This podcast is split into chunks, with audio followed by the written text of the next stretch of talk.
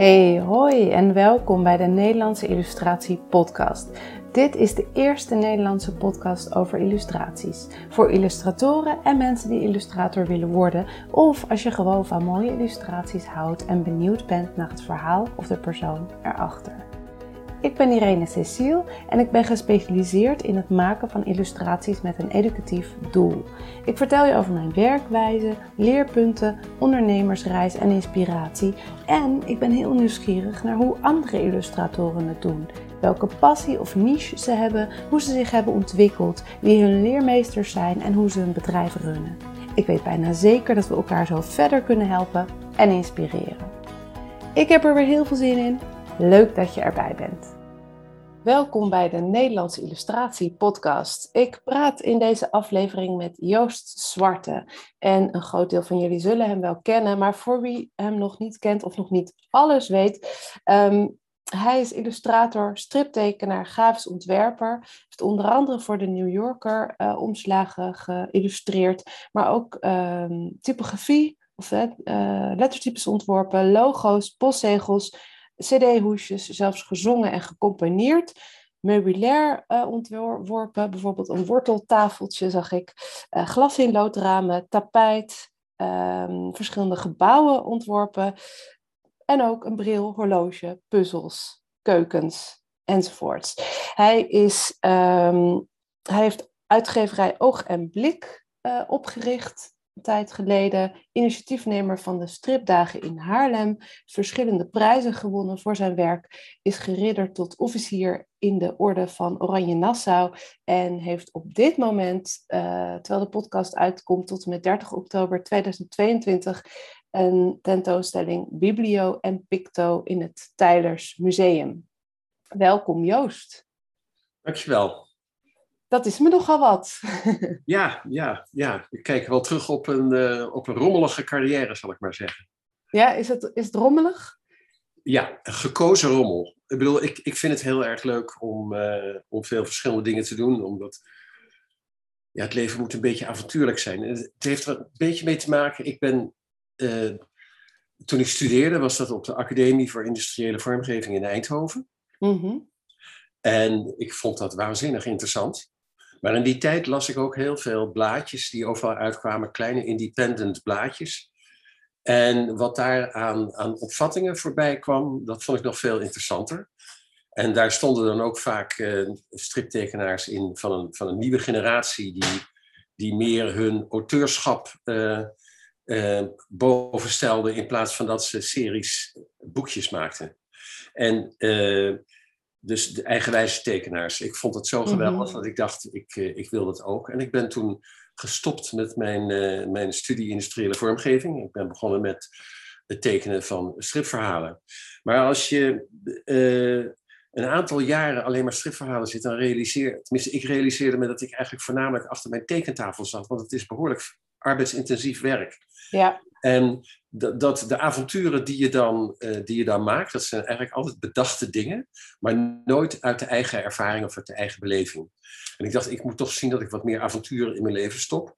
En dat betekende dat als er iemand met een verzoek kwam uh, op een onderwerp uh, waar ik eigenlijk weinig van wist, maar waar ik wel belangstelling in had, dat ik dan dacht, dat is een mogelijkheid om ook andere dingen in te duiken en zo heb ik na een zekere tijd de, nou ja, de, het, het striptekenen uh, niet vaarwel gezegd, maar toch in ieder geval geminderd om al die andere uh, avonturen uh, mee te kunnen maken. Mm -hmm. Zo ben ik langzamerhand in, ja, in van alles en nog wat gedoken. Ja, ja, en, en komt dat, eh, komen dat, dat, dat van alles en nog wat, komt dat dan op je af? Of hoe, hoe ontstaat, hoe, bijvoorbeeld, je hebt een keer een bril, uh, ja. ontwerp voor een bril. Hoe ontstaat zoiets? Bedenk je dan, dat lijkt me leuk? Of... Nou nee, het, het, ja, het is toch zo dat mensen me weten te vinden op een of andere manier. En als je die denken, het was een, uh, een, een, brillenbedrijf hier in, in Haarlem, waar ik woon. En uh, die wisten dat ik bijvoorbeeld het theater, de toneelschuur ontworpen heb hier in Haarlem. En uh, had contact met die mensen, omdat ik daar ook mijn bril kocht. En dan hadden we wel eens een gesprek over, uh, over brillen. En ehm, toen kwam ineens dat verzoek. Nou, dat kan ik dan eigenlijk maar niet eh, naast me neerleggen. Dat vind ik dan te leuk. en, en dan zit ik ehm, met te informeren. Ik informeer me dus via, via die, eh, dat, bedrijf over, uh, over brillen. Maar ik bedenk er ook iets anders bij. En dat wil zeggen, ik doe altijd een soort vooronderzoek. Ik probeer dan ehm, een beetje de kaders te vinden waarbinnen je kan ontwerpen. En, maar probeer het ook altijd een beetje te verleggen. Dus je hebt, voor, voor die bril was het bijvoorbeeld zo, een bril wordt gemaakt zodat je scherper kan zien. Dat is eigenlijk, dus het is een soort mechanisch apparaat mm wat je op je neus zet. Maar ineens schoot mij de gedachte binnen van, kan je met een bril ook de manier van kijken, dus niet alleen het, uh, het fysiek kijken, dus het scherp zien, maar ook uh, kan je mensen met een bril ook op andere gedachten brengen. Dus dat ze anders naar dingen kijken. Ja, ja, ja. En toen kwam ineens het, uh, het idee binnen dat uh, taalkundig zijn er een aantal, uh, een aantal leestekens die, die daarbij helpen. Bijvoorbeeld, en daar kwam ik dan uiteindelijk op uit, op de aanhalingstekens. De aanhalingstekens die gebruik je als je citeert. Dat mhm. betekent eigenlijk dat je iets vertelt wat komt uit de gedachten van een ander. En de aanhalingstekens worden ook gebruikt om iets ironisch aan te duiden. En toen dacht ik, als ik nou in de hoeken van mijn bril hier aanhalingstekens zet, dan is dat een uitnodiging om uh, de wereld met ironie te bekijken. Maar het mhm. is ook zo dat wat wij zien, of wat ik zie dan, dat, uh, dat het misschien wel, ook, of dat het bijna een citaat van een ander is. Dat wil zeggen, het wordt ook door anderen gezien. Dus dat als je ergens naar kijkt, dat je niet vanuit je eigen perspectief alleen kijkt, maar dat je ook wordt uitgenodigd om ook vanuit andermans perspectief naar de dingen te kijken. En het leek mij een aardige aanmoediging om dat op die bril te hebben. Dus uh, de bril heet daarom quotation marks. Ja. En ik heb net uh, twee nieuwe modellen uh, erbij getekend, dus er komt nog wat extra's aan. Wat leuk. Wat leuk. En die gaan er dus ook weer anders uitzien. Die gaan er iets anders uitzien, ja. ja. Het is wel familie, maar ja, daar, ontkom je niet aan als je dat door dezelfde ontwerper laat maken. Maar uh, ze gaan er inderdaad anders uitzien, ja. Ja.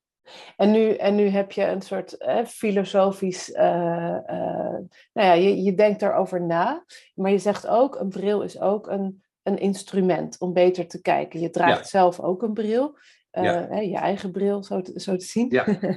Ehm, denk je dan ook na over van wat, het, het, praktische stuk van wat, wat voor vorm houd ik? Vind ik het fijn om kleine of grote glazen te hebben? Dat soort dingen? Ja, ja natuurlijk. Ja, Nee, dat, dat, hoort er ook bij. Ja. ja. Het, het, hele pakket. Ja. ja. Nee, het is eigenlijk, de, je moet eigenlijk als ontwerper, dus uh, eigenlijk altijd uh, proberen zo goed mogelijk uh, ergens in te duiken. Ik heb een keer in, uh, in Amsterdam een, een klein appartementencomplex ontworpen. Met vier, appartementen in de Jordaan in Amsterdam, in de Willemstraat. En ik, ik, zal eerst even vertellen hoe dat dan ging met, met die opdrachtgever. Dat was heel, heel apart. ik kreeg ineens een verzoek van, van de wooncorporatie die die een nieuw gebouw wilde neerzetten in de Jordaan. Uh, of ik wilde nadenken over een uh, gevel van een gebouw. Dus ze wilden mij alleen vragen om een gevel te maken. Mm-hmm. En ik, ik, heb gezegd dat ik dat wil bestuderen. En of ze me dan de, de plattegronden wilden sturen van het, uh, van het pand. Om te zien hoe die gevel zou moeten worden omdat een gevel natuurlijk niet alleen een aanzien is van een gebouw, maar het, het, het, moet ook functioneren. Als er een keuken achter zit, dan zitten de ramen waarschijnlijk op een andere plek als dat daar een uh, salon achter zit. Precies, ja. En uh, toen kreeg ik die plattegronden en toen zag ik op die plattegronden dat er in dat ontwerp uh, iets vreemds was. Het, het, het, gehele gebouw bestond uit een bestaand oud gebouw, wat, wat werd aangepast en een leeg gat daarnaast waar een nieuw gebouw zou komen. En nou was in het schetsontwerp was het zo bedacht dat uh, uh, in het uh, bestaande gebouw zou dan een centraal trappenhuis komen om ehm, vier duplexwoningen te ontsluiten. Een duplexwoning is een woning die over twee verdiepingen gaat, waarin een groter gebouw zit en die ook een eigen trappenhuis heeft. Ja. Maar dat betekent eigenlijk dat je dan per verdieping uh, drie trappenhuizen hebt. Ja. En ehm, eh, dat is zonde van de ruimte. Dus ik, ik vertelde dat aan, aan, de, aan, de, aan die woningcorporatie. Ik zeg, ik vind dat een, een beetje een vreemde, vreemde toestand. Zou het niet anders moeten? En toen zeiden ze, wil je daar graag over nadenken? Ik zei, ja, dat wil ik wel. En toen heb ik ze een plan voorgesteld, waarbij eigenlijk de twee percelen verheeld zouden worden tot één breed pand. Want het was zo dat het oude pand uh, waarin gebouwd zou worden, dat was 6 meter breed. En dat een nieuwe ding was 4 meter breed. Samen 10. En als je dan 11 meter diep kan, dan heb je dus een oppervlak van uh, 10 bij, bij 11. Daar gaat natuurlijk nog wel een trappenhuis vanaf. Maar dat, dat betekent dat je een behoorlijk oppervlak hebt, maar ook een mooie vrije ruimte om heel functioneel te kunnen indelen. En dat leek ze een goed idee. En ze hebben toen voorgesteld om samen met een, uh, met een architect uh, daaraan te werken. Dus ehm, ik heb toen gesproken met architect Sietse Visser. Die heeft met zijn bureau het, nou ja, het architectenwerk, allemaal, wat, wat er voor constructie en, en procesbegeleiding allemaal bij hoort, die heeft dat allemaal gedaan. En ook gewerkt aan aan de, aan de bouwtekeningen. En... Had, je voordat je hier aan begon, had je toen de toneelschuur al gedaan? Had je... Ja. Ja, dus je ja, had dus, al ja. wat ervaring. Ik had al, ervaring en zeker ook procesmatig van hoe die dingen allemaal werken. Ja, maar een van, de, een van de essentiële dingen in het geheel was. Uh, als ik maar even terugkom op die bril, dan is het zo dat, dat ik, ik dacht van hoe kan je ook inhoudelijk uh, iets toevoegen aan, uh, aan zo'n uh, apparaat. Maar ehm, in, hier bij die architectuur was het zo dat ik dacht voor die appartementen altijd van, heb ik ook tegen een opdrachtgever gezegd, ehm, ik wil graag, als het klaar is, met mijn gezin een maand voor niks wonen in een van die appartementen. En dat betekent eigenlijk dat ik gedurende dat hele proces in mijn achterhoofd had van hoe gaan we met elkaar om en hoe willen we het liefst met elkaar samenleven? En dat was dan voor mij de, nou ja, de leidraad in het nemen van beslissingen, hoe ik de plattegrond van zo'n appartement moest maken. Ja, ja, ja. En dus daar inderdaad ook weer uh, dan dus het ontwerpen met uh, de eindgebruiker in je hoofd. Precies. Ja. Die jij nu deels ook ja. zelf en dat, dat, maand. Ja. En dat is iets wat, je, wat ik um, als tekenaar ook heel duidelijk heb dat ik realiseer dat, uh, uh, dat ik lezers heb. Ja. Men, mensen heb die dat moeten lezen. Dus ik probeer voortdurend na te denken, wat kan ik ze geven aan informatie? Hoe kan ik dat zo helder mogelijk geven? Dus het is een beetje zoals het schrijven van een boek, alhoewel het maken van een tekening natuurlijk uh, minder in de abstractie van het alfabet zit. Dus dat mm -hmm. zijn uh, plaatjes die. Maar ook laat ik zeggen, taalkundige plaatjes. Ja, ja, ja. Ja, en waar mensen wel, eh, mensen zijn gewend, of we worden heel erg opgevoed met het lezen, met het lezen van teksten en die ja. te interpreteren. En het lezen ja. van beelden zijn we over het algemeen wat minder goed in. Het, het, dat lijkt een beetje te veranderen. Dat wil zeggen dat natuurlijk nu met de telefoontjes en, uh, en beeld heen en weer schuiven, uh, wordt er toch veel meer met beeld gewerkt. Ja. Maar ik denk ook wel dat in Nederland de, de beeldcultuur, dat die toch wel door het Calvinisme aardig om zeep geholpen is. En uh, ja, we hebben hier nog een slag te slaan in Nederland. En door het Calvinisme? Uh, nou ja, het Calvinisme was van het woord. Dus in de kerken ja. destijds werd al het beeld eruit gehaald. En uh, werd alleen het woord als, als belangrijk beoordeeld. Ja, ja, ja, precies. Ja, ja. Wat is de gemene, gemene deler van jouw werk? Want ik heb net een hele lijst opgenoemd en je doet, het is allemaal wel, uh, nou nee, dat is ook niet waar, maar het is, uh, veel is in ieder geval beeldend, is te zien, is aan te raken. Um, maar wat, ja, wat is de gemene deler? Wat, wat maakt iets een Joost Zwarte? Maar ik denk wat, wat heel belangrijk is, is dat er een relativering in het werk zit. Dus dat, uh, dus dat is een beetje familie van ironie, dus familie van humor. En dat is dat, uh, dat je denkt op het eerste gezicht dat je begrijpt wat er staat, maar dat het soms net even een beetje anders is. Ja.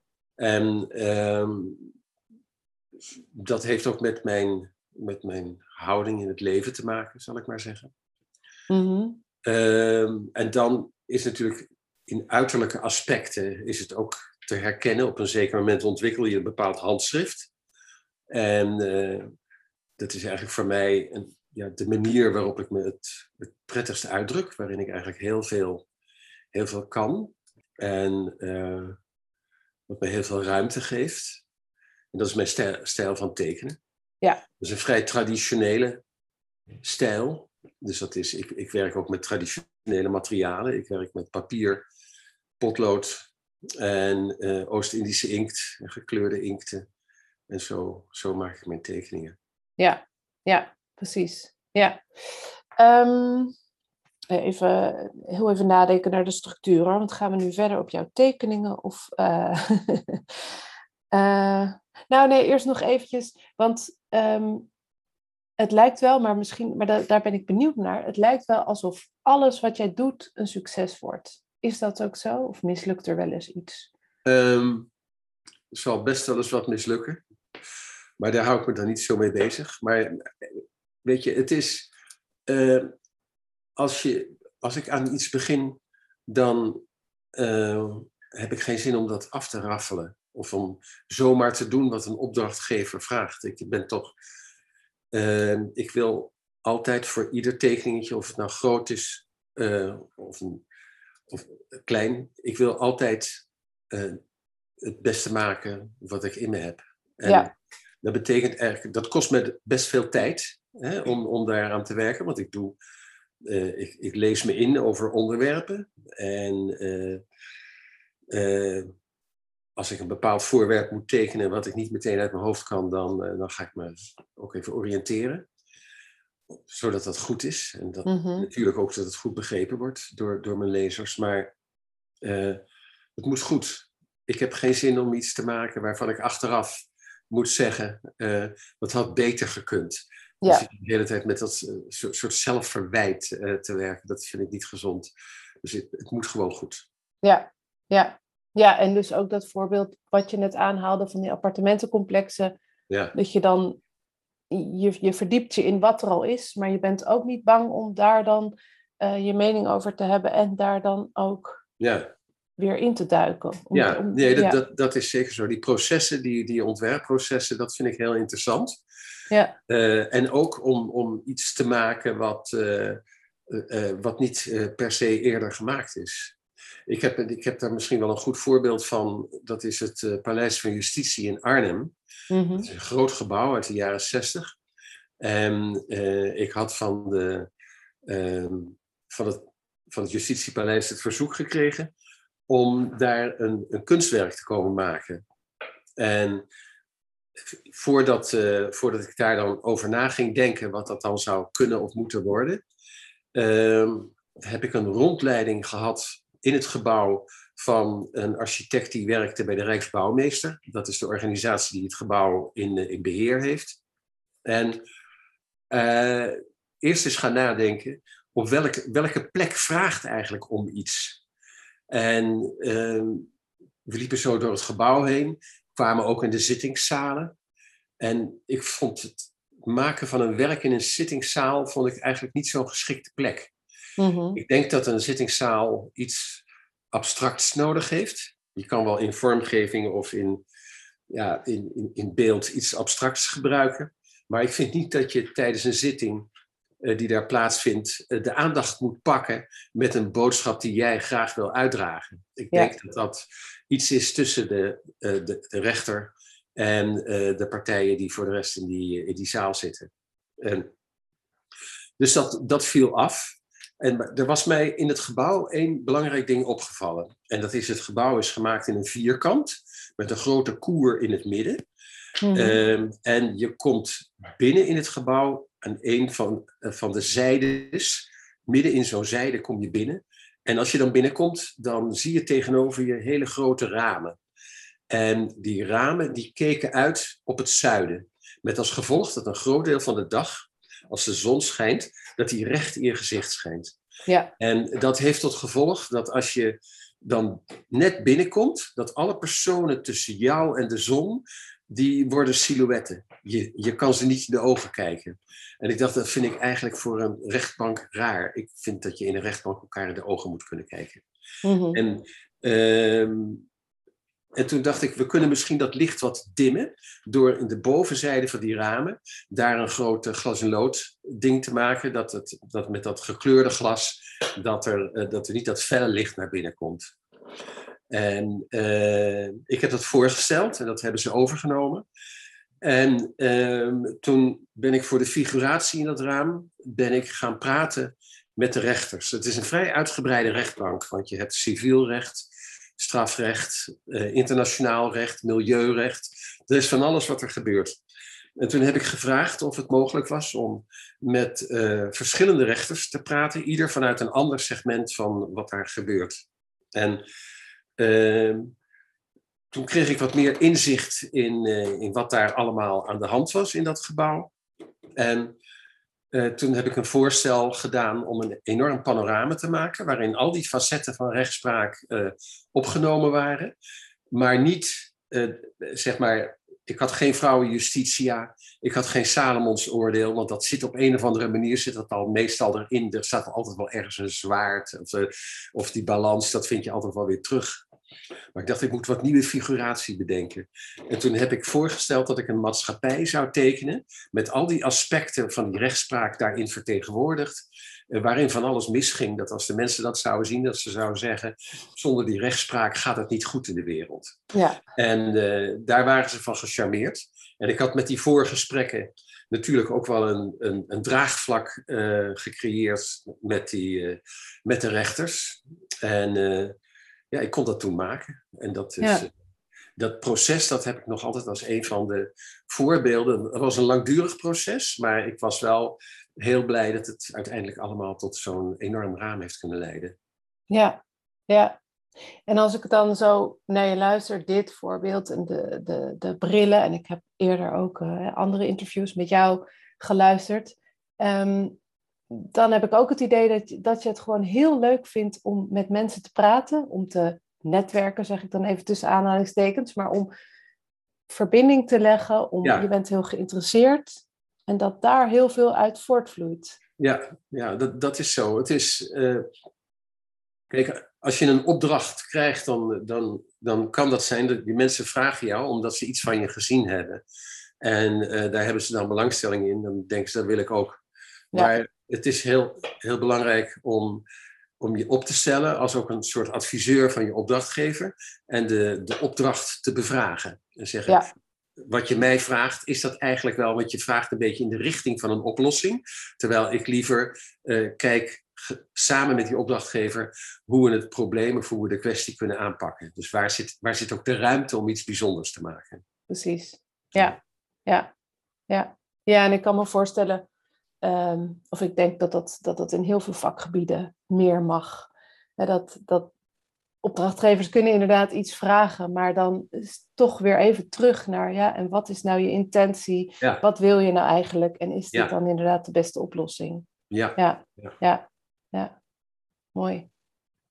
Hoe ga jij te werk als jij een nieuwe eh, opdracht krijgt? En of dat dan een illustratie is voor de New Yorker of een, een gebouw of wat dan ook. Hoe, wat zijn jouw eerste stappen? Dat, Nou ja, de eerste stappen zijn natuurlijk altijd onderzoek. En eh, als ik bijvoorbeeld voor de New Yorker een, een verzoek krijg om een illustratie te maken, dan gaat dat meestal om een tekening bij een tekst. Mhm, Dus het, eh, de, de tekst wordt doorgestuurd. En ik lees de tekst eerst eenmaal zonder dat ik nadenk wat ik daarbij moet gaan doen. Ik wil een algemene indruk hebben van een tekst. En ik wil ook kijken eh, waar gaat de tekst in essentie over? Wat is de boodschap die erin verborgen ligt? En als ik dat heb, dan maak ik zo wat eerste kleine aantekeningen. Dus ik, en, en, eh, dan ga ik de tekst opnieuw lezen om te kijken of er aanknopingspunten in zitten voor een tekening. Dan ontgreep ik eh, fragmenten waarvan ik oh, daar, daar zou een beeld eh, op kunnen reageren. En ehm, ja, dan moet ik proberen om de, om, de, om de teneur van het stuk te pakken in een tekening. Dat gaat meestal met droedeltjes. Dus dan heb ik een vel, velletje, gewoon een A4'tje, een papiertje en een potloodje. En dan zit ik hele kleine kriebeltjes te maken. Uh, dat kan zijn houdingen van mensen die iets uitdrukken. Uh, het kan zijn in het, uh, meer de inhoudelijke kant. Je gaat op zoek naar metaforen voor, voor, voor inhoudelijke kwesties die in zo'n tekst zitten. En het gekke is van die, van die hele kleine dingetjes, je verlies je niet zo snel in, in de details of je blijft niet vastzitten. Mm Die gedachten moeten eigenlijk vrij los zijn, een beetje rommelig. En soms ontdek je ook ineens dat tussen die drudeltjes, dus die hele kleine tekeningetjes, dat er een relatie ontstaat, een bepaalde metafoor heel goed past bij een bepaalde houding. En uh, in dat, dat proces, dat is eigenlijk de basis, daar wordt de basis gelegd voor de tekening. En ik kan dan uh, een aantal schetsen maken die ik communiceer met de New Yorker. Het is, mhm. de New Yorker is wel een heel apart blad, want ze hebben daar voor de, voor de verschillende uh, uh, tekeningen die ze moeten hebben in dat blad, hebben ze beeldredacteuren. En die doen niets anders dan alleen maar met tekenaars overleggen over, over het beeld. Ja. Dus ze hebben voor de omslagen een apart kantoor. Er wordt alleen maar over de omslagen gesproken daar. En dan hebben ze ook een kantoor voor de cartoons, dus meer de moppen die erin staan. Mhm. En alleen maar wordt daarover gesproken. En dan is er één en die gaat over de illustraties. Ja. Dus wat ik, ik, het is altijd zo dat ik dan naar aanleiding van mijn interpretatie van het stuk, en er zit ook vaak wel mijn eigen, mijn eigen idee zit daar ook wel in. Het is niet zo dat ik letterlijk illustreer wat, wat er in het stuk zit. Ik probeer ook een opvatting, ik realiseer me. Ik ben dan in zo'n geval een van de vele lezers die een eigen opvatting heeft. Die, die leest zo'n stuk en die, die denkt daar wat bij. En, mhm. en dat komt dan in die tekening. Nou, realiseer ik me ook dat, je, dat andere lezers daar mogelijk andere dingen bij bedenken. En het komt dan ook voor dat ik meerdere ideeën kan ontwikkelen die bij zo'n tekst kunnen horen. En dan, uh, dan maak ik die, dan teken ik die leesbaar, zal ik het maar noemen, dat ik ze kan communiceren met mijn beeldredacteur. En uh, meestal komen we dan tot een keuze. Het is wel apart ook, want uh, de cultuur in Amerika is toch weer een beetje anders dan, dan in Europa.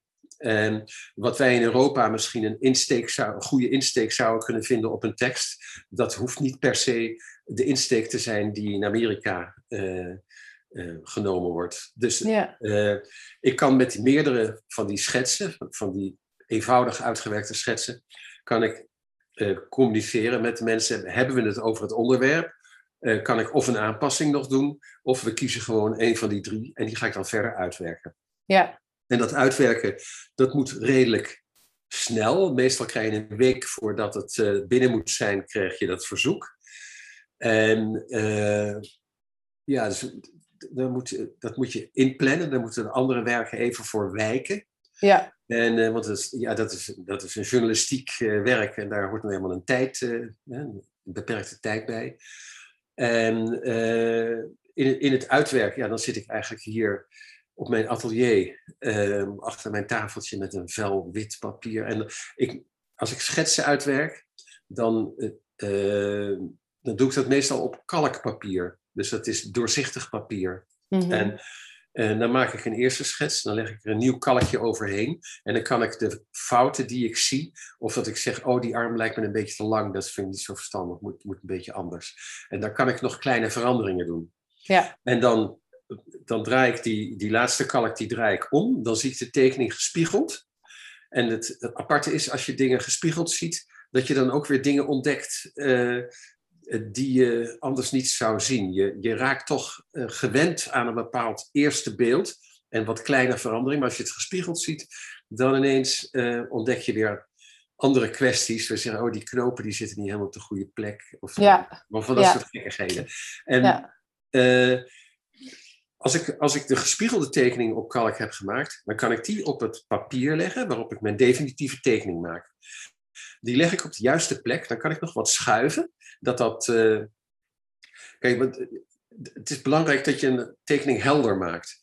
Als ik begin te tekenen meteen op mijn witte papier en ik kom uit, ik moet nog een deur ergens tekenen of een raam en ik heb een personage en dat neusje van het personage eh, raakt precies de rand van dat raam. Dan zit dat raam vast aan dat neusje. Ja. dat, is, dat, is, dat, dat, dat leest niet helder. Hij moet mhm. er of overheen steken, dan komt het los. Hè? Dan, heb, dan heb je dan is, het, uh, uh, dan is het naar voren, dus de personage naar voren en zit het raam daarachter. Of ze moeten los van elkaar zijn, dat het losse elementen zijn. Ja. Dat betekent taalkundig ook wel het een en ander. Dus je moet eigenlijk proberen die combinatie van die elementen zo te doen dat, uh, dat het begrip van die tekening daarmee geholpen is. Maar dat kan je op deze, met deze techniek kan je dat allemaal doen. En als ik dat dan doorgedrukt heb, dus dan, dan, dan mhm. trek ik de tekening over uh, aan de andere kant van het kalk. Ik weet, niet of het nog helder is. Maar ja. Het potlood zit dan aan de onderkant. en dan trek ik hem over. En dan, dan wordt dat potlood wat aan de onderkant zit, dat, wordt, dat staat ineens op mijn vel witte papier waarop ik mijn origineel maak. Dat mhm. betekent dat mijn, mijn vel wit papier altijd fris blijft. Al dat gedoe, dat zit alleen op die kalkjes. En dat, uh, dat, dat, frisse witte papier, daar kan ik dan de lijnen op gaan inkten met Oost-Indische inkt. En dat doe ik met een eenvoudige kroontjespen, waarmee ik mhm. ooit heb leren schrijven op de lagere school. En uh, ik heb daar een doos vol van, dus die, uh, daar, daar kan ik mijn leven lang mee ja. voort. En als, die, als de inkt goed droog is, dan kan ik het met gekleurde inkten kan ik het, kan ik het inkleuren. En daar, voor, die, voor het inkleuren maak ik nooit een schets. Ik ga nooit van tevoren denken. Ik moet in mijn hoofd eigenlijk hebben welke partijen belangrijk zijn, welke minder belangrijk zijn en, en hoe ik dat dan ga invullen. Ja. En dat gaat eigenlijk uh, ja, zonder schets. Ik en heb je dus dan, maak je dan wel ergens apart een soort kleurenpalet? Of dat je, deze... Nee, dat, dat maak ik nooit van tevoren. Nee. Dat gebeurt tijdens het werk. Dus ik, en, en, de, en de volgorde van inkleuren is meestal de lichtere kleuren eerst en de wat donkere kleuren later. En dat komt omdat je loopt het risico, stel je voor dat je een felrood partijtje ergens hebt en je komt daar met een heel zacht crème kleurtje. Dat betekent met gekleurde inkten dat er dan veel water in zit. En dan kan die die rode inkt kan, als je dat raakt, dan kan dat oplossen. En dan vloeit dat over in die lichte tint. Dus je moet, je moet eigenlijk in volgorde altijd de lichte tinten eerst doen. Want daar zit het meeste water in. En uh, nou ja, heel voorzichtig werken. En dan, uh, en dan ontstaat het uiteindelijk. Ja. En is dat dan uh, van die, is het, is het ecoline inkt die je gebruikt? Ja. ja. Oké. Okay. Ja. ja. het is, het nadeel van ecoline, ik bedoel, het voordeel is dat het werkt heerlijk makkelijk. En, mhm. en ik kan heel veel, ik, ik heb dan een, een, stuk of tien potjes staan met verschillende pigmentkleuren. En ik kan, uh, uh, ik ik meng, een, ik meng met een ongeluk aan allerlei dingetjes. En een groot vel ernaast om iedere keer als ik iets gemengd heb, dan even te proberen of het wel goed uitpakt. Want het is dan ook weer zo dat de verf opgedroogd er weer anders uitziet als de verf nat. Dus dan moet ik altijd, en laat ik een klein stukje, wat, een proefje wat ik opzet, even indrogen. Dan heb ik een lampje, dan hou ik het onder. Dan bak ik als het ware mijn, uh, mijn kleur. En dan, uh, en dan als ik tevreden ben, dan, uh, dan zet ik het op mijn tekening. Ja, ja. Want dat, dat, jouw, jouw kleurvlakken zijn altijd ontzettend egaal en, en ook heel netjes. Dat, Ja, wel, wel netjes, egaal. Het, uh, dat, ik, ik ben er toch wel voor dat je ziet dat het hand, dat je blijft zien dat het handwerk is. Dus je, je, zou kunnen zeggen, je kan het ook met de computer gewoon met uh, Photoshop inkleuren. Maar dan krijgt het ook iets mechanisch. En ik vind het niet erg, of ik, ik vind het zelfs wel fijn dat er iets van handwerk uh, over, overeind blijft. En ik probeer het egaal te doen. Ik heb, ik heb uh, aquarelpapier, maar je ziet er wel een bepaalde bobbeling in in de kleur, maar dat, dat houdt het een beetje levend. Ja, ja, ja, precies. Ja, en die, en jouw, uh, jouw lijnen zijn ook, je ziet inderdaad wel dat het met de hand is, maar ze zijn wel super strak en uh, ja. Ja, nou, als ik een perspectief opzet in een tekening, dan eh, doe ik dat wel met linealen. Dan, ik, dan moet dat allemaal netjes kloppen. En uh, dat, daar heb ik ook lol in om dat te doen. Ja. En in sommige gevallen maak ik ook tekeningen met uh, parallelle lijnen. Dus laat ik zeggen, het perspectief wat, wat de meeste mensen kennen, is het perspectief met verdwijnpunten. Mm En in een perspectief van verdwijnpunten, dat kan je taalkundig inzetten. Als je een onderwerp belangrijk vindt, dan laat je dat in de voorgrond plaatsvinden en dan kan je dat groot tekenen. En in de achtergrond zit dan iets wat je kleiner kan tekenen. Dus daarmee kun je sommige dingen belangrijker maken en andere dingen minder belangrijk. Mm maar in een, in een perspectief met parallele lijnen, of een Timmermans perspectief, of een isometrische projectie wordt het ook genoemd, uh, daarin is eigenlijk vanwege die parallele lijnen is alles even groot. Ja. Dat betekent ook dat iets wat zogezegd dichterbij zou kunnen zijn en iets anders wat verder af is, dat je dat in dezelfde maat kan tekenen en uh, dat ze dus ook dezelfde belangrijkheid hebben. Ja. Dus ik, ik kan dat taalkundig inzetten. Ja, en, en dat perspectief is wel heel typerend voor jouw werk ook. Ja, ja, ja. Ik denk dat dat de, dus de perspectief met verdwijnpunten, daar zit een hiërarchie in. Mhm. En met die parallele lijnen uh, zit er een soort gelijkwaardigheid in. Ja, en, is dat... Dus misschien ook wel een, ja, een in, inhoudelijke kwestie dat ik dat fijn vind. Ja, ja die gelijkwaardigheid. Ja. Ja, ja.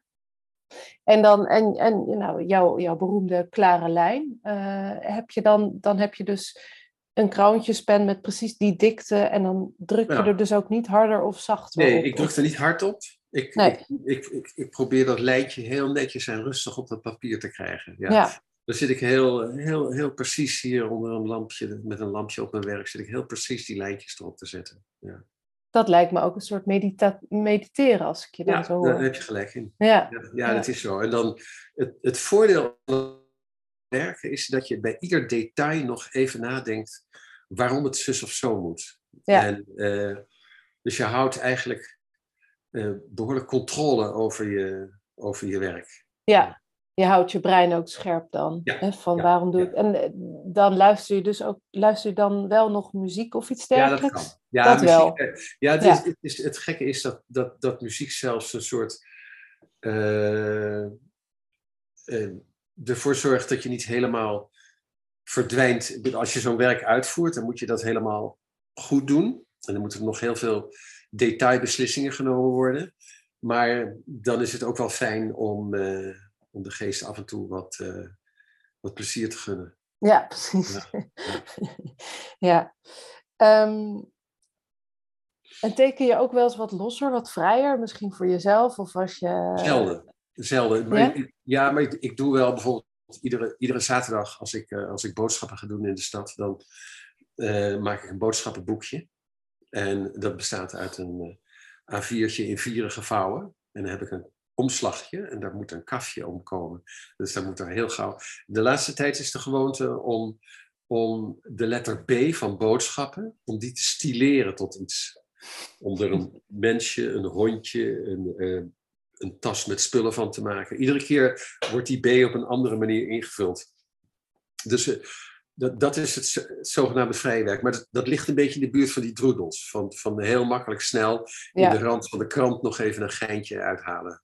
Ja. Maar vrijwerk, zeg maar, naar de natuur werken, uh, dat gaan zitten en zeggen: ik ga dat uitzicht eens even mooi op papier zetten. Dat komt zelden voor. Ik heb het vroeger wel eens gedaan als we op vakantie waren met de kinderen. En uh, als je dan ergens in de natuur zit om te denken, ga eens kijken of ik dat netjes in een boekje kan krijgen. En dat uh, heb ik wel gedaan. En dat, maar ik, ik denk toch dat, dat bij mij de, de, de weergave van de gedachte in een tekening uh, veel fijner is om te maken dan proberen de werkelijkheid na te bootsen. Ik heb wel, het, of de werkelijkheid te interpreteren moet ik zeggen. Ik heb dat wel gedaan als, als tiener. Dus mijn, mijn ouders die, die zagen dat ik geen hoge cijfers haalde op de middelbare school. Maar dat ik wel veel tekende. En die dachten, nou misschien zit dan daar iets in. En die hebben toen een, uh, een beeldend kunstenaar uh, gevraagd of ik dan af en toe op zijn atelier mee mocht doen in het maken van stillevens. Ja. Dus dat, dat heb ik een periode gedaan. Dus daarmee heb ik in ieder geval heel erg goed leren kijken. Ja, ja, ja. Um, ja, want nee, ja, je zegt vandaar heb je dus uh, meer, meer stillevens. Hoe is jouw stijl verder heeft zich ontwikkeld? Want daar, dat is heel duidelijk. Daar heb je les gekregen ja. uh, van die meneer. Daarna heb je in Eindhoven gestudeerd, maar ik stel me voor dat dat veel, veel breder was dan uh, alleen tekenen. Heb jij het jezelf geleerd door heel veel te kijken naar andere tekenaars? Of hoe, hoe ben je gekomen? Ja. Nou, dat is, dat is eigenlijk. Ik was aanvankelijk het meest geïnspireerd door die underground comics die ik las uh, als student. En op de middelbare school begon dat al. En uh, dat waren vrij expressieve uh, strips. Dus die Amerikaanse boekjes, die underground boekjes, zoals bijvoorbeeld Zap Comics met de tekenaar Robert Crump en Gilbert Shelton en Spain Rodriguez, dat waren, dat waren mensen die heel expressief uh, werkten.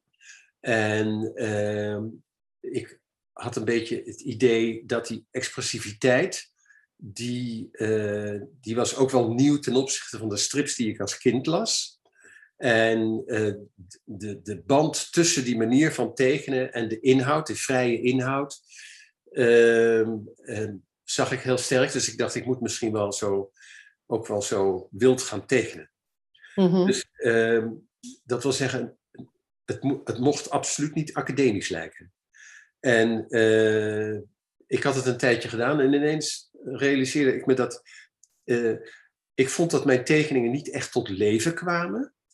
Eh, het bleven tekeningen. En hoe komt het nou dat ik de strips uit mijn jeugd, dat die, dat die zo tot leven kwamen? Hoe, hoe zit dat? Mhm. En toen heb ik de, de tekenaar waar ik als kind het meest uh, van hield, dat Hergé, de tekenaar van Kruifje. En ik ben zijn werk gaan studeren, maar ik kwam ook heel veel in weekenden samen met, met tekenaars, uh, met jonge tekenaars allemaal. We, hadden allemaal eigen tijdschriftjes. En uh, ik had mijn eigen blaadje modern papier, maar ik tekende ook voor het tijdschrift Tante Leni presenteert. En dat was een, een blad, een onafhankelijk klein blad uit, uit Den Haag. En als we dan samenkwamen als, uh, met, met een groepje tekenaars, dan namen we altijd boeken mee die we weer recent hadden gezien, waar we van onder de indruk waren. En daar spraken we dan met elkaar over. Ja. En uh, daar, er gebeurde zoveel nieuws voor me. En ik ontdekte ook een boekwinkeltje in Amsterdam van een, uh, van een stichting, de Real Free Press. En die importeerde heel veel van klassieke oude Amerikaanse strips. En al dat materiaal, ik was, ik was ontzettend enthousiast over al die nieuwe dingen die ik ontdekte. En uh, toen heb ik een, in een bepaalde periode ben ik ook uh, die tekeningen gaan overtrekken. Uh, ook met een transparant papiertje ben ik ze gaan overtrekken om te kijken. Als, als ik nou bijvoorbeeld een wilde tekening zag die in, met penseel was geïnkt. Met lijnen die dan dikker en dunner werden. Mm -hmm. En dan dacht ik, als ik die nou in lijn zou moeten tekenen, hoe, um, waar zou die lijn dan zitten? Dus dan ging ik dat overtrekken, dan ging ik proberen om dat heel erg netjes te doen. Maar zo ook bijvoorbeeld een, een zelfportret van Vincent van Gogh geprobeerd van, in, kan je die wilde schilder uh, toetsen, kan ja. je die omzetten in een strak lijntje en kan je dan toch nog de expressie uh, bewaren. Ja. En, uh, de, dus, dus jij, dat, je dat ik, voelde al wel dat strakke lijntje, dat is mijn lijntje. Ja, dat, dat had ik wel in de gaten, ja. Ja, ja dat vond ik wel, uh, ja, die kant ging het wel op. Maar, maar dat was eigenlijk geïnspireerd dan door Hergé en dan ook mm -hmm. aangezwengeld door een Nederlandse tekenaar, Mark Smeets, die, die daar sterk, in, op, sterk op inzette. En uh, ik vond dat magisch, al dat werk. Maar ik kwam er ook wel achter dat, uh, dat de kwaliteit van die strips, die zitten er niet in, dat, in het lijntje. Uh, mm -hmm. Als je dat eenmaal gedaan hebt, dan, dan, en, en, je kijkt dan naar naar die pagina's, hoe ze zijn opgebouwd. Wat is de camera-uitsnede? En, uh, of de beelduitsnede en wat is het camera-standpunt? Ja. En uh, al die dingen gaan meespelen. Maar ook het verhalende op een pagina. Want het heel typisch is voor een strippagina. dat is wezenlijk anders dan een pagina van een literair werk. Een literair werk, dat, dat lees je lineair. Dus je begint linksboven en je bent rechtsonder, ben je klaar. En intussen heb je van alles meegemaakt. Maar een strippagina, die heeft weliswaar die leesrichting. Maar als je de pagina openslaat, dan heb je eigenlijk al meteen een globale indruk van de actie die gaat volgen. Ja. En je kan natuurlijk als, als, als striptekenaar, kan je je lezers meenemen langs die lijn die ze al min of meer kennen in hun hoofd. Maar je kan ook eigenlijk door bepaalde teksten toe te voegen, kan je dingen relativeren of eigenlijk anders maken. Dat de eerste indruk, dat die verrassend anders blijkt te zijn. En uh, dat zijn allemaal dingen die ik ontdekte, zeg maar, in die voorstudie. En uh, ja, op een zeker moment heb ik die, in ieder geval dat, dat tekenen met dat, met dat lijntje, de klare lijn, dat heb ik uh, omarmd, omdat ik daar zoveel in kwijt kon. Ik -hmm. Het is een beetje, je, je, je, je geeft mensen een contour van iets aan en de lezer die maakt dat af in zijn hoofd, die vult dat in als een volume. Dat is eigenlijk een heel apart fenomeen. Het is, uh, wat dat betreft heeft het ook wel iets met het alfabet te maken. Want een al alfabet, dat zijn allemaal lettertjes. Dat is een soort technisch ding. En dat zijn allemaal kleine lettertjes. En door combinatie daarvan ontstaat daar ineens iets in het hoofd. Als ja. jij het woord deur zet, dan heb jij daar een beeld bij als lezer. Mm -hmm. en, uh, maar je, dat komt omdat jij uh, begrijpt wat daar staat. Je hebt dat geleerd. En met tekenen zit, zit er ook zo'n omslag in. Tenminste, tekenen met contourlijnen. Je geeft mensen een contour aan, maar zij vullen het volume in in hun hoofd. Dus Ja. er, zit, er zit altijd een, een, een ja, interpretatieslag van de, van, van de lezer zit daarin. En dat vond ik wel heel erg fijn. Uh, dus daar maar mee doorgegaan. En ik kon er zelf natuurlijk van alles in kwijt. Want je kan personages, als ik technische details heel duidelijk wil tekenen, dan kan het ook heel makkelijk daarin. Dus ik, uh, Ja, ik voelde me wel senang in die, uh, ja, die lijn. ja. Ik las ook ergens dat je, of, dat, of misschien zei je dat ergens, ehm, het plezier van een goede, goede plooi in een broek. Ja, ja. En die, die zie ik in, in Kuifje, maar ook in jouw tekeningen ook heel erg Ja. terug. Die, Ja, ja, ja, Ja. Het, is, het is wonderlijk als je, vaak als je die, eh, die laat-middeleeuwse of renaissance schilderijen ziet, waarin zo vrees, vreselijk goed plooien worden, worden gemaakt, waar de stofuitdrukking altijd heel erg goed zit. En als je dat met eenvoudige middelen, als je daar iets van, precies. van volume of beweging kan suggereren, Ja. eh, dat is een eh genot. Ja, ja. Nou, en ook, ook, ook in dat, dat, dat broekje van een kuifje die dan eh, hè, zo naar beneden een beetje Ja. rond met zijn hoge sokken. En, Ja. en jouw eh, Joop, Jopo de Poyo de Poyo. heeft precies diezelfde broek. Ja, ik heb, ik heb toen ik Jopo tekende, toen wist ik niet dat, dat, een, dat, dat, dat die zo lang zou blijven. Mhm. Maar ehm, toen dacht ik, ik wil een. Ik vond het een beetje een cliché mannetje, Jopo. Het, Mhm. het zou een jongen moeten zijn die, die eh, eigenlijk niet zo sterke persoonlijkheid heeft. Een beetje een anti-held.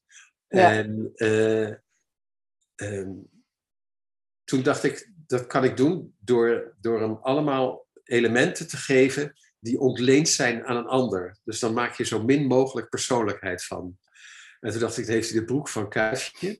Dan heeft hij een jasje. Ik kan me niet herinneren waar dat precies van was. Maar op het jasje heeft hij weer een badge zitten. En die is ontleend aan een symbool wat eh, de strip Crazy Cat altijd in zich heeft. En dan is het ook een muziekliefhebber. Hij verliest zich graag in het werk van anderen. Mhm. En dan heb ik zijn hoofd getekend als een muzieknootje. Zo een achtste Ah. noot is eigenlijk zo'n rond balletje. Eh, eh, zo'n zwart rond balletje met een stok eraan. En dan hangt er zo'n leuk vlaggetje aan. Ja, En toen dacht ik, als dat vlaggetje nou loskoppelt, de stokje haak er tussenuit. En dan zet ik dat vlaggetje, dat zet ik zo op zijn hoofd. En dan is hij eigenlijk een soort muziekliefhebber. ja, En Ja. zo is hij ontstaan. ja, ja. En hij krijgt daardoor inderdaad ook een wat, eh, wat, wat vliegerig karakter. Ja. Ja, ja, ja. dat, hij, dat hij niet heel stevig op zijn benen staat. Nee, dat Hier klopt. ben ik. Dat ja. klopt. Nee, hem overkomt alles. Ja, dat precies. is eigenlijk de... Ja. Ja. Ja. Ja, leuk. En eh, we hebben, nu, we hebben het nu gehad over van hoe is jouw stijl ontstaan. He- heb jij het idee dat die nog, is daar nog, zit daar nog steeds ontwikkeling in? Is daar nog, Nou, gaat dat nog veranderen? dat, dat weet ik niet. En daar, heb ik, daar hou ik me eigenlijk ook helemaal niet mee bezig. Het is eigenlijk alleen dat, dat uh, als je veel verschillende dingen aanpakt, dan, uh, dan ontstaat er vanzelf wel uh, verandering, zal ik maar zeggen. Maar in de stijl van tekenen, daar voel ik me zo mee vertrouwd. daar kan ik zoveel kanten mee uit. Dat, dat zit wel snor. Ja, ja. En je hebt nu um, een team om je heen.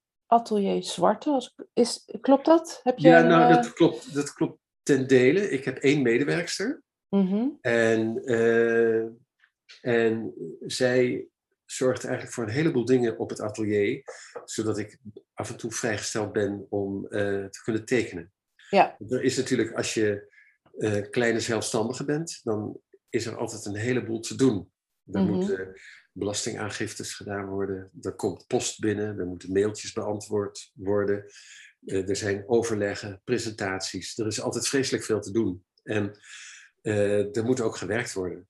Want ja. het is toch ambachtelijk werk. Ik heb ambachtsuren nodig. En uh, dan is het heel fijn dat er iemand is die, die zeg maar alles wat, uh, wat er op de achtergrond gebeurt, dat van me overneemt. Dat is eigenlijk geweldig. Ja. En, ik, ik hou ook een archief bij. Dat wil zeggen van alle werken die ik hier doe, daar blijven stukken van over. Meestal zit het per, per opdracht of per werk zit dat in, zit in A4-enveloppen. En daar staat mhm. dan op wat het project is. En als het klaar is, dan komt daar een sluitdatum op. En dan kan het opgeborgen worden. En dan kunnen we het later terugvinden. Maar je, ja, je moet het wel catalogiseren en dergelijke. En dat, uh, dat doet Luus allemaal. Ja, ja. Nee, dat, is, dat is wel een ja. en het, steun. Al het creatieve, al het, dat doe jij gewoon 100%. Ja, ja, ja. Dat heb je ook nooit, uh, dat, je, dat je dingen hebt laten inkleuren of iets dergelijks? Nee, nee, nee, tekenwerk moet allemaal helemaal zelf gebeuren. Uh, ja. Het is wel zo dat natuurlijk, kijk, in de architectuur is het zo dat als er bouwtekeningen gemaakt worden, maak ik meestal schetsen van hoe ik het wil hebben en hoe ik de details uitgevoerd wil zien. En uh, dan is er overleg en dan iemand anders maakt dan die tekeningen. en in grafisch ontwerp is het ook zo dat vroeger deed ik dat wel zelf, want dan was het allemaal plakken en knippen. Maar natuurlijk gebeurt dat allemaal op, in, in ontwerpprogramma's op de computer.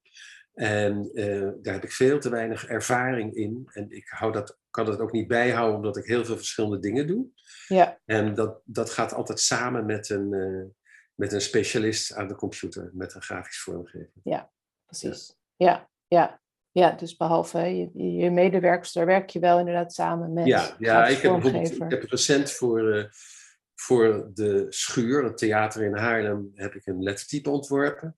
Mm -hmm. uh, want die willen in hun uitingen willen ze heel graag laten zien uh, of herkenbaar zijn dat het typisch van de schuur is. En dat kan je doen door een lettertype wat alleen maar zij hebben en niemand anders. Dus dat, ja. dat wordt een heel persoonlijk type.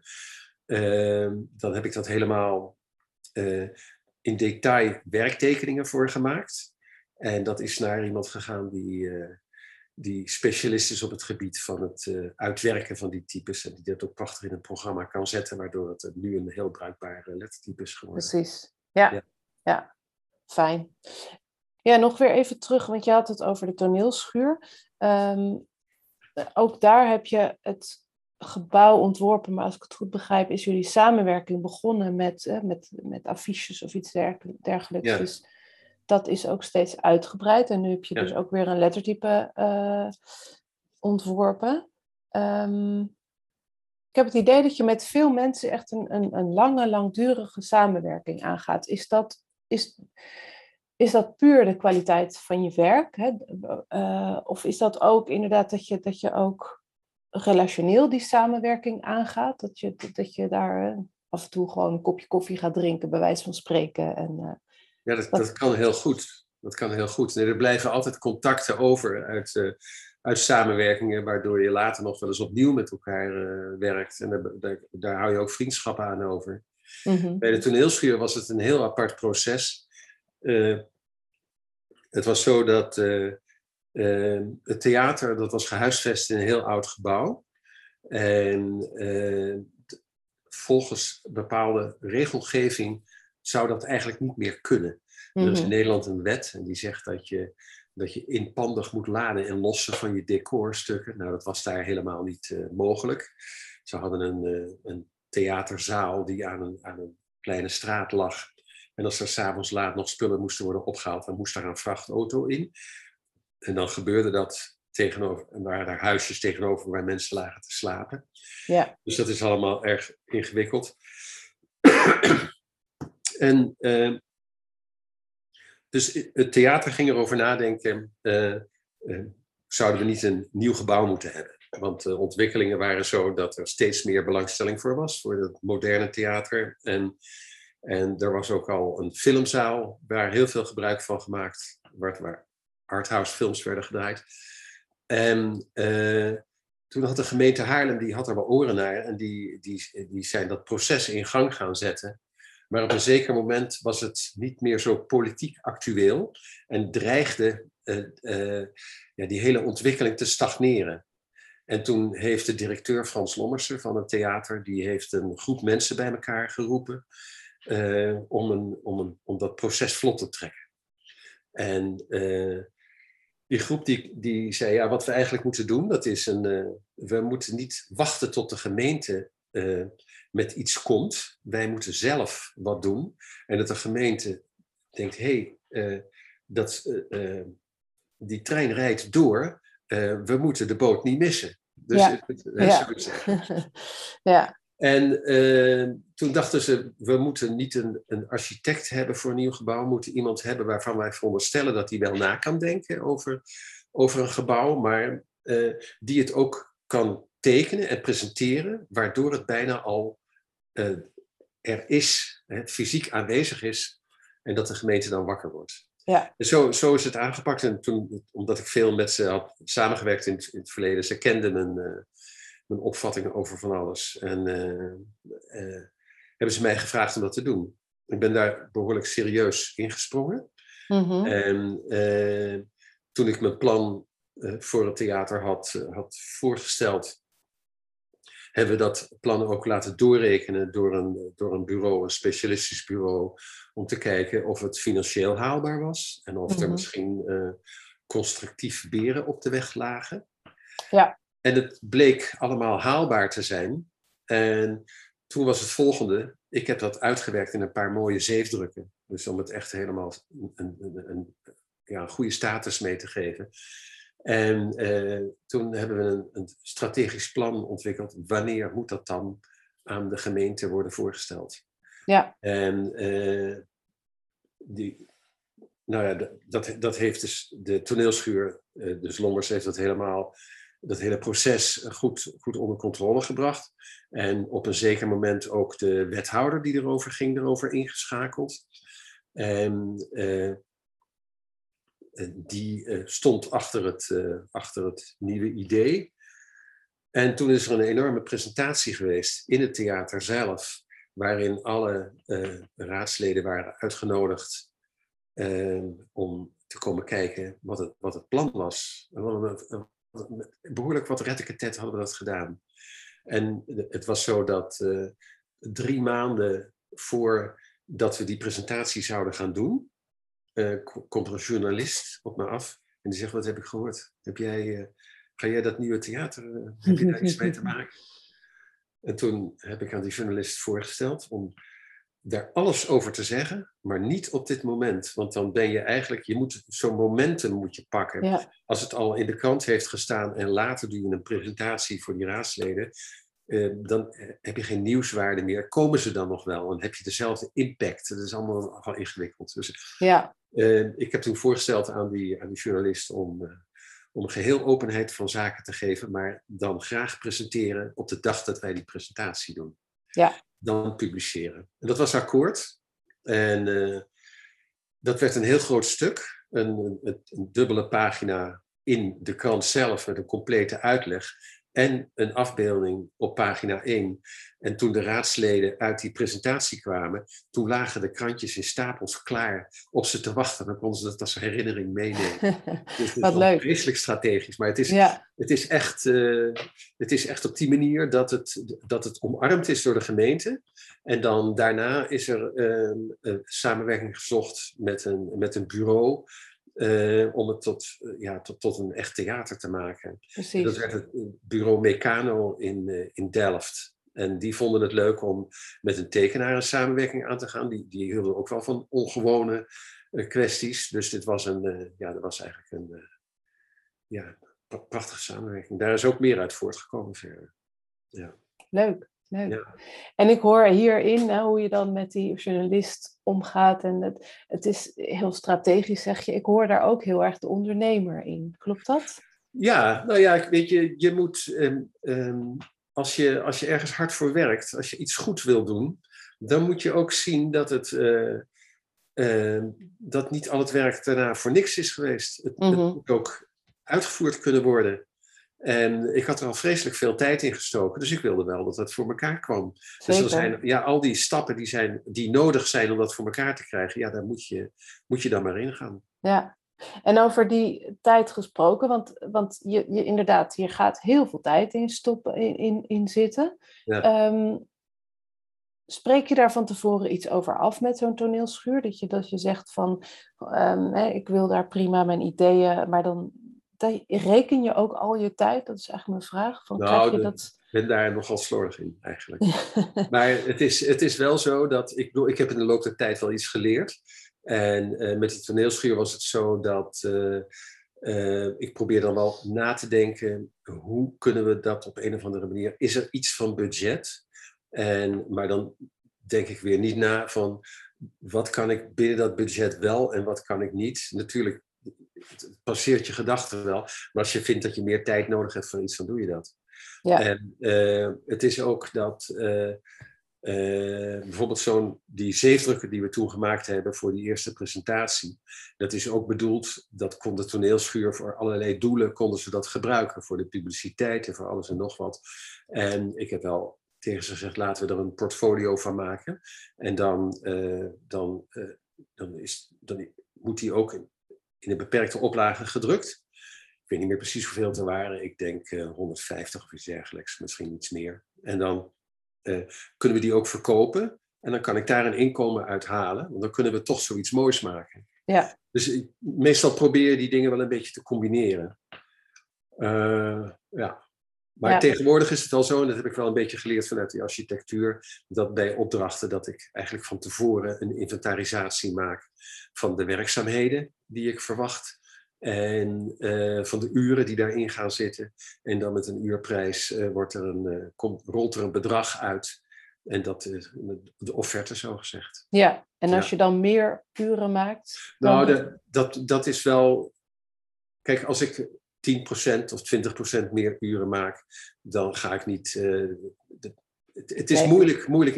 Een artistiek proces is niet helemaal van tevoren het, uh, ja, te inventariseren, dat, dat weet je eigenlijk nooit precies.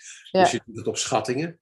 En uh, dus als er kleine afwijkingen van zijn, is dat geen ramp. Maar er staat wel achter in de offerte altijd, als er onvoorziene eh, extra werkzaamheden zijn, dan moeten we even opnieuw overleggen. Precies, ja. ja. ja. Ja, precies. Want dat lijkt me inderdaad zo'n zo'n samenwerking, of zo'n, zo'n uh, wat, wat dan uiteindelijk een samenwerking met Meccano wordt, ja. Meccano is een, is een groot bedrijf. Die zullen ja. daar uh, ja. best daar wel... We, ja. Daar zijn wel afspraken over gemaakt. Ja. Ja. Ja. Ja. we hadden zelfs een contract, ook met elkaar, over, over van alles en nog wat. En, uh, waarin ook stond dat, dat de, het uitgangspunt voor het nieuwe theater uh, was het schetsontwerp wat ik gemaakt had. Dus dat dat niet zou verwateren gedurende het proces. Precies. Ja. ja. Maar goed, ik heb ook in het begin meteen tegen het bureau gezegd, of tegen de architect Henk Deul, met wie ik dan samenwerkte in dit project, uh, gezegd dat, dat alles wat het, als het onderweg anders wordt en het wordt er beter van, dan uh, ben ik daar natuurlijk wel voor. Ja. Want ik wil natuurlijk uiteindelijk zorgen dat er het best functionerende theater mogelijk uh, Precies. Ja, ja. En je hebt, ehm, ja, wat zijn jouw, ehm, want je bent, je bent heel jong eigenlijk begonnen met, uh, met, met voor jezelf werken, met ondernemen. Dat is nou, nu uitgegroeid tot een, uh, tot, dat je heel veel doet, met heel veel mensen samenwerkt. Wat heb je geleerd? Wat voor ondernemerslessen heb jij geleerd? Nou, uh, eigenlijk is het zo, ik, ik denk dat als ik echt als ondernemer erin zou staan, dat ik dan veel meer zou hebben verdiend. En, maar dat ik ook veel meer werk zou hebben moeten doen waar mijn hart niet ligt. En, uh, dus ik probeer eigenlijk in de selectie van het werk, dat is, dat, het, het moet mijn, mijn, uh, mijn interesse hebben. Mm -hmm. het, ja. Ik moet het leuk vinden om te doen.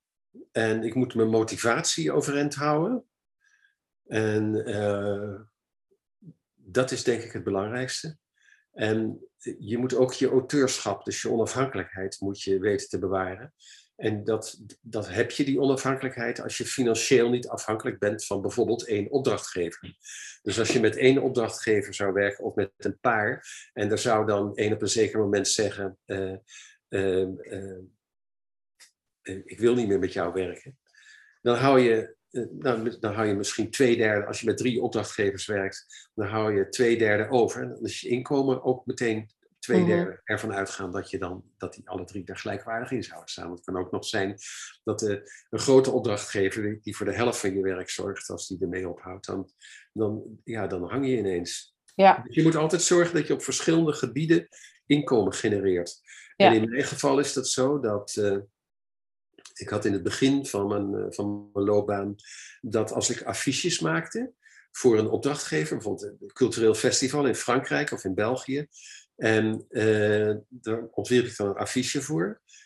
En die konden niet overdreven veel betalen, maar inhoudelijk had het wel mijn hart. Ik vond het heel fijn om daarvoor te kunnen werken. En dan, daarom bedacht ik dan dat als dat affiche gedrukt zou worden op papier uh, wat ze op straat zouden kunnen plakken. Dan kunnen ze misschien aan het einde van de stapel papier ook een stapeltje zwaar papier, kunstdrukpapier doen. En dan drukken we ook een, een, een oplaagje van bijvoorbeeld uh, eh, 300 exemplaren op dat zwaardere papier. Ja. Dan betaalde ik alleen dat zwaardere papier en de doordrukprijs. En dan had ik ineens een voorraad van luxe editie van dat affiche. En die kon ik weer via stripdistributeurs verkopen. En zo kon ik toch aan een inkomen, koop, uh, inkomen komen van mhm. een opdracht die eigenlijk slecht betaalde. Maar ik had en, en het mooiste kunnen maken en heel veel tijd in kunnen investeren in mijn werk. En ik hield er nog uh, wat extra's aan over via die verkoop van die luxe editie. Ja. Dus op zo'n manier, dat, dat, dat hielp. En op een zeker moment uh, ben ik ook originele gaan verkopen. Want dat is het voordeel als je op papier werkt, dan hou je de originele tekening over. Mm-hmm. Dus mijn, mijn inkomen, ja, dat, dat, dat zit op verschillende. Ja, dat heeft verschillende bronnen. Precies. Je kan uh, ja. publiceren, je kan die luxe edities kan je maken, je kan originele verkopen en, en dan gewoon de opdrachten uitvoeren en daar geld van genereren. Dus ja, ik, ik ben niet zo. Uh, ik ben niet afhankelijk van een aantal opdrachtgevers. Er zijn voldoende verschillende poten waar ik op kan uh, dansen. Ja, precies. Ja. Maar mag ik vragen hoeveel jij dan per jaar ongeveer verdient? Of uh, kan je daar een indicatie uh, in geven? Nou, ik weet niet precies wat op mijn belastingaangifte staat, maar ik denk dat dat varieert. Dat is tussen de 60.000 en 90.000 euro of zoiets dergelijks. Ja, ja. Dat varieert. En, uh, ja, dus het, het, is geen stabiel inkomen. nee, Het is niet zo, ik kan niet zeggen, ik weet wel wat ik per maand ongeveer moet binnenhalen, want ik moet Luus natuurlijk ook betalen. En uh, ik heb een atelier aangekocht en dus een hypotheek op moet ook allemaal betaald worden. Ja. Dus er moet wel, per maand moet er wel een bedrag van, nou, ik denk, ja, ik ben nu op een leeftijd dat ik ook AOW krijg. Dat is een uh, meevallertje, zal ik maar zeggen. Mhm, en, mhm. en, maar los daarvan is het toch wel verstandig om iets van 5000 uh, Precies. binnen te harken. Dat moet toch zeker wel, want anders ja. uh, Dan Ja. kom je in de financiële zorgen. Ja, Maar goed, Ja. ik heb dan het voordeel dat als, ik, als er een distributeur of een uitgever is en, eh, en er is ineens een financiële zorg, dan kan ik altijd zeggen, kan je alvast een voorschotje voor dit of dat eh, regelen. En je moet precies. natuurlijk ook zorgen, werk je voor een opdrachtgever een project op lange termijn, dan moet je ook kunnen zeggen dat voor de eh, geleverde werken tussentijds gefactureerd kan worden. Mhm. Dus dat zijn ook allemaal afspraken die meespelen om het enigszins stabiel te krijgen. Ja, ja. En, maar dan moet je even laten weten of, of je dat wil beantwoorden. Maar voor zo'n een, een, een omslag voor de New Yorker bijvoorbeeld, hoeveel Ja. krijg je daarvoor? Ehm, dat is ongeveer. Goh, ik dacht ongeveer 4000 of drie- drie- 3.500 Oké, euro. ja. Ja. Ja, Ja, dat is ook 4000, inderdaad wel... eh, Zo'n zo bedrag. ja, Ja, New, York, New Yorker is een hele goede betaler. precies. Dat, Ja, is, eigenlijk, eh, dat is eigenlijk wel heel erg fijn. Eh, ehm, ja, dat, dat is goed. Zij kopen wel meteen ook recht om dat werk op een andere manier toe te passen dan alleen op die omslag. Dus zij hebben een, Ja. een, een winkeltje waarin ze de omslagen, die kan je dan op grotere maat bij ze bestellen. Mhm. Eh, of geprint op doek eh, bestellen. Of er is een mok met dat ding erbij. En dat winkeltje, dat doen zij. En dat recht, dat verwerven ze met eh, Ja. van jou. Hè? Maar Ja. je, je mag zelfs die tekening ook gebruiken voor eigen uitgaven.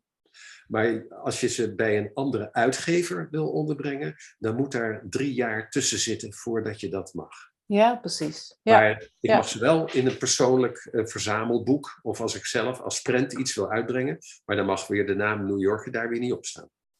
oh dat, ja. is, dat is hun merkrecht. Oh, wat grappig. Ja, Ja.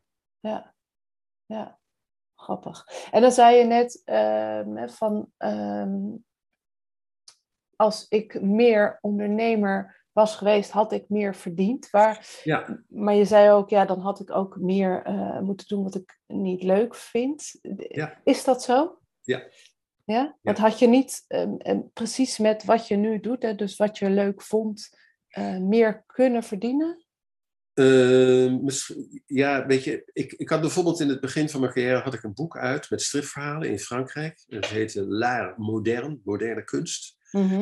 in het Nederlands. En eh, dat liep, liep eigenlijk best goed. En toen zei die uitgever ook van, eh, volgend jaar weer zo'n boek. En ik had helemaal niet eh, de, de ambitie om al die jaren. Ik bedoel, ik, ik had dat boek, ik had daar misschien een jaar of, eh, of vier, vijf aan gewerkt. Niet het idee van boek, maar met losse verhalen iedere keer. En, Ja. Maar ik voelde wel aan dat ik dan in een soort tredmolen terecht zou komen. En dat was, eh, daar had ik eigenlijk geen zin in. Dus dat heb ik laten liggen. Maar eh, tekenaars uit diezelfde periode die dat wel deden, die, eh, die, dan, dan krijg je een soort publieksbekendheid eh, als je ieder, om de zoveel tijd eh, ieder jaar een, boek- een, een boek uitbrengt. En dan word je een publiek, publiekslieveling. En Ja. in Frankrijk is dat, gaat het dan echt om serieuze oplagen. Maar kan je daar goed van leven, laat ik zeggen, ruim van leven, als je, als je daarin mee zou zijn Ja. gegaan. Ja, ondanks dat dat dus inderdaad heel, heel arbeidsintensief is. Om Het is arbeidsintensief. Ja, Ja. ja. absoluut. Ja, ja, ja. Ja, ja, ik had mogelijk ook hoor, als ze, als ze hadden gezegd eh, volgend jaar weer zo'n boek, dan had ik misschien moeten zeggen, nou doe maar twee jaar. En dan was Mm. het niet gelukt, maar dan was ik wel in zo'n tredmolen terechtgekomen.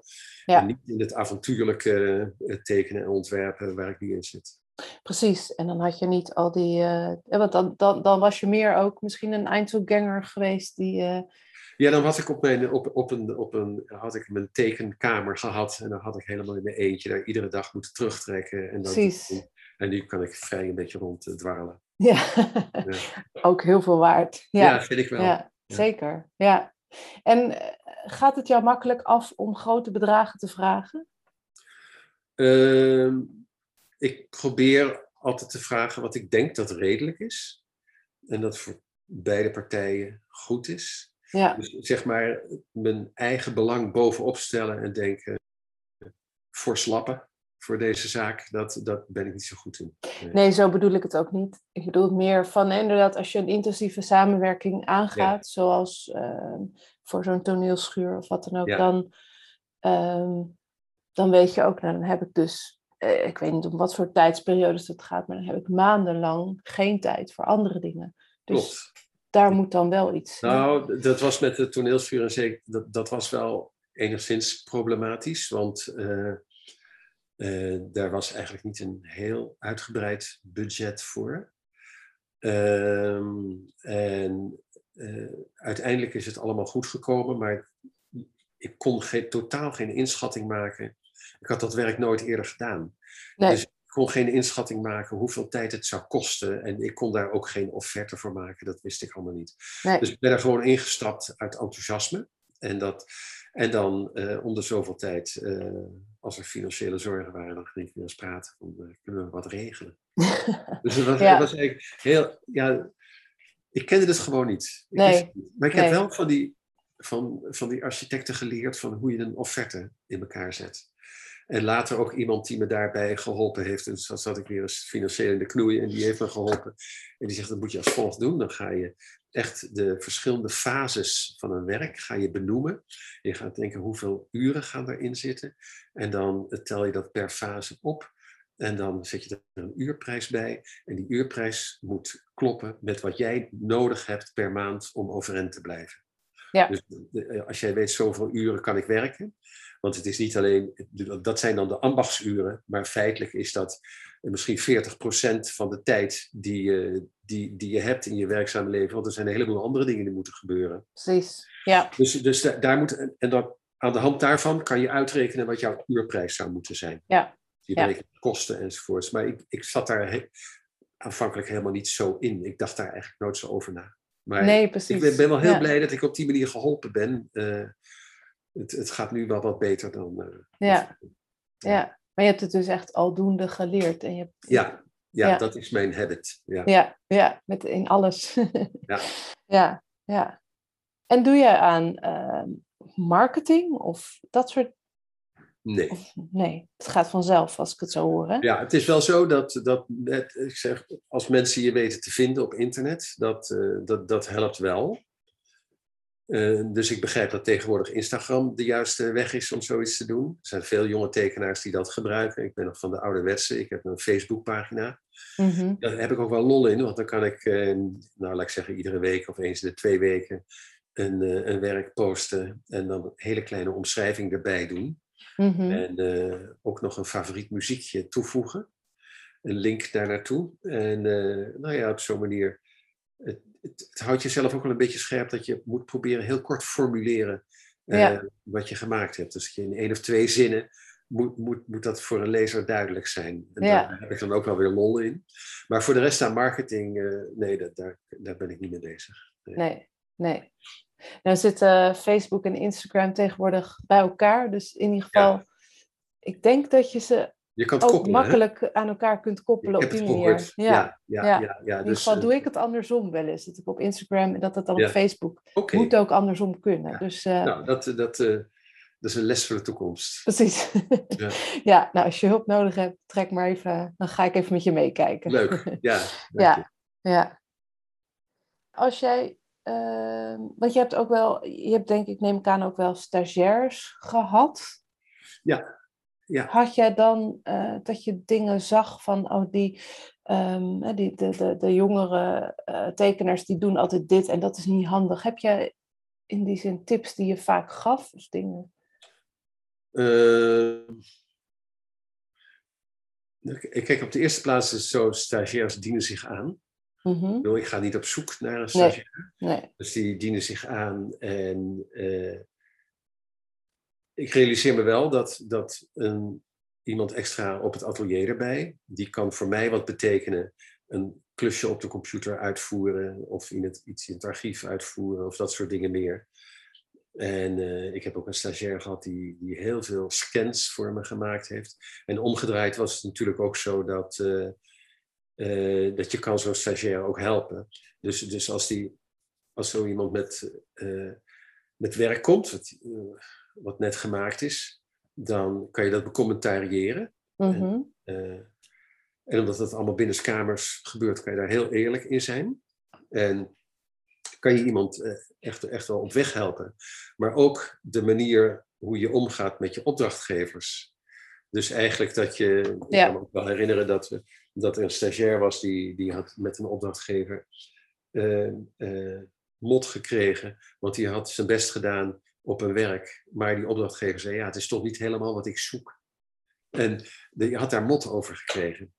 En toen zei ik, ja, je kan dat eigenlijk, kan je dat verhinderen door in het begin een gesprek te hebben dat, dat de opdracht goed geformuleerd is. Mhm. En dat je nog eens extra vraagt, wat, is, eh, eh, wat, wat zit er achter die vraag die je, die je me stelt?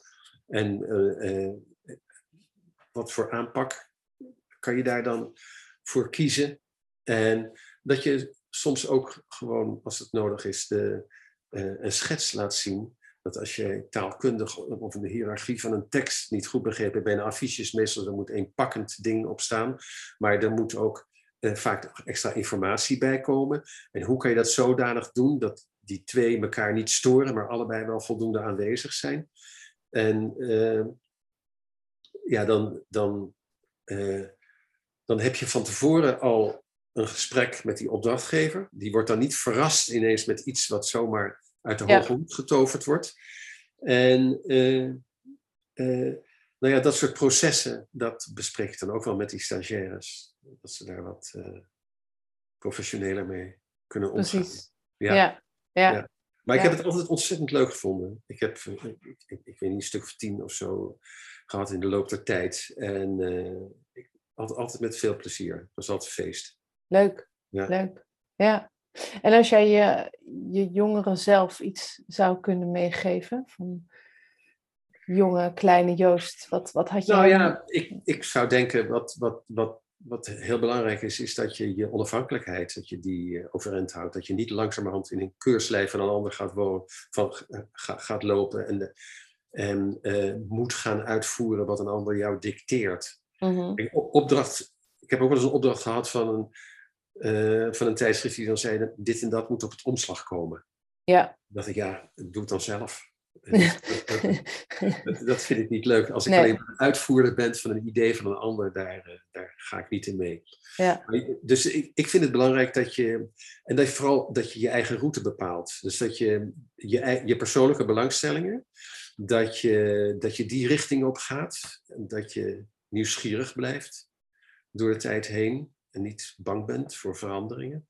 Mhm. Ja, een beetje op die manier. ja. Ja. En Mooi. dat, we hadden het daar net ook over dat het natuurlijk het onafhankelijk zijn financieel, dat dat daar ook bij hoort.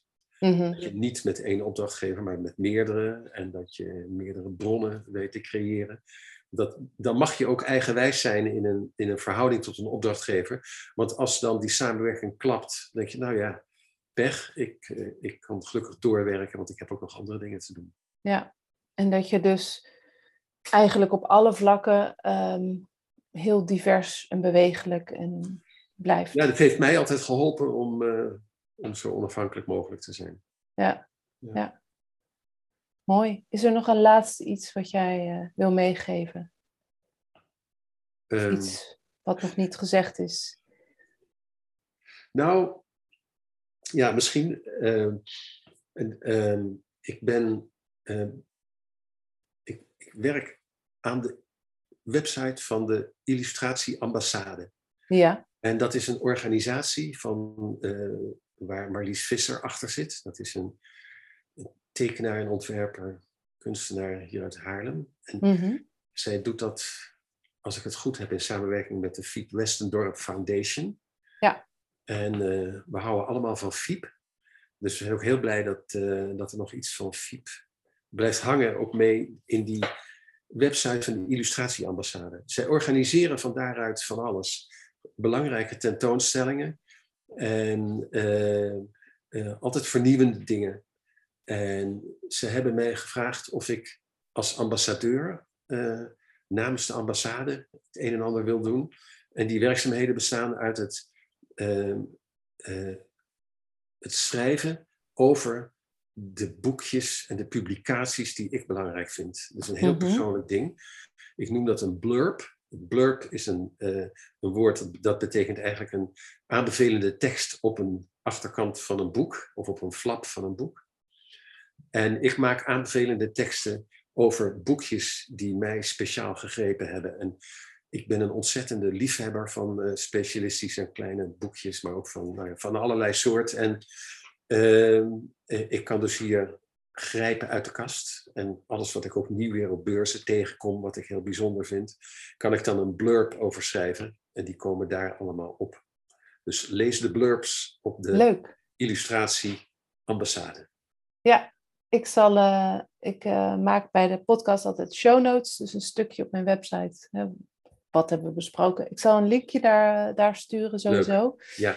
En uh, de illustratie ambassade heeft ook een podcast, de Potloodkast, waarin ja. jij ook toevallig, denk een maand geleden, een interview is uitgekomen. Ja, twee jaar geleden, ja. Ja, en op het moment dat luisteraars dit horen, nog wat langer geleden. Maar dat is ook een heel leuk, uh, leuk gesprek. Gaat weer een hele andere kant op. Ja. Meer jouw inspiratiebronnen um, komen vooral voorbij. Zeg ik dat goed? Ja, en, en, ja, en ja, hoe je gekomen bent uh, Ja. waar je nu bent. Ja, ja. ja. Dus dat is ook een aanrader. Ik plaats een linkje op de website. Leuk. Fijn, Ja. dankjewel. Nou, dankjewel voor dit mooie gesprek. Heel graag gedaan. En dat was het weer. Dankjewel voor het luisteren. In de show notes vind je linkjes naar alle relevante informatie die genoemd is, zoals websites, titels van boeken en natuurlijk de illustraties. Ga naar www.irenececiel.com podcast en dan Cecile is met C-E-C-I-L-E en klik op de titel van deze aflevering. En mocht je deze aflevering interessant gevonden hebben, er inspiratie uitgehaald hebben, dan zou ik het heel fijn vinden als je je abonneert op de podcast. Of als je een review achterlaat via iTunes, een screenshot deelt op social media of er gewoon anderen over vertelt. Zo help je mij meer mensen te bereiken. Het kost een paar minuutjes en ik ben je er nu alvast heel dankbaar voor. Super leuk dat je luisterde en tot de volgende keer.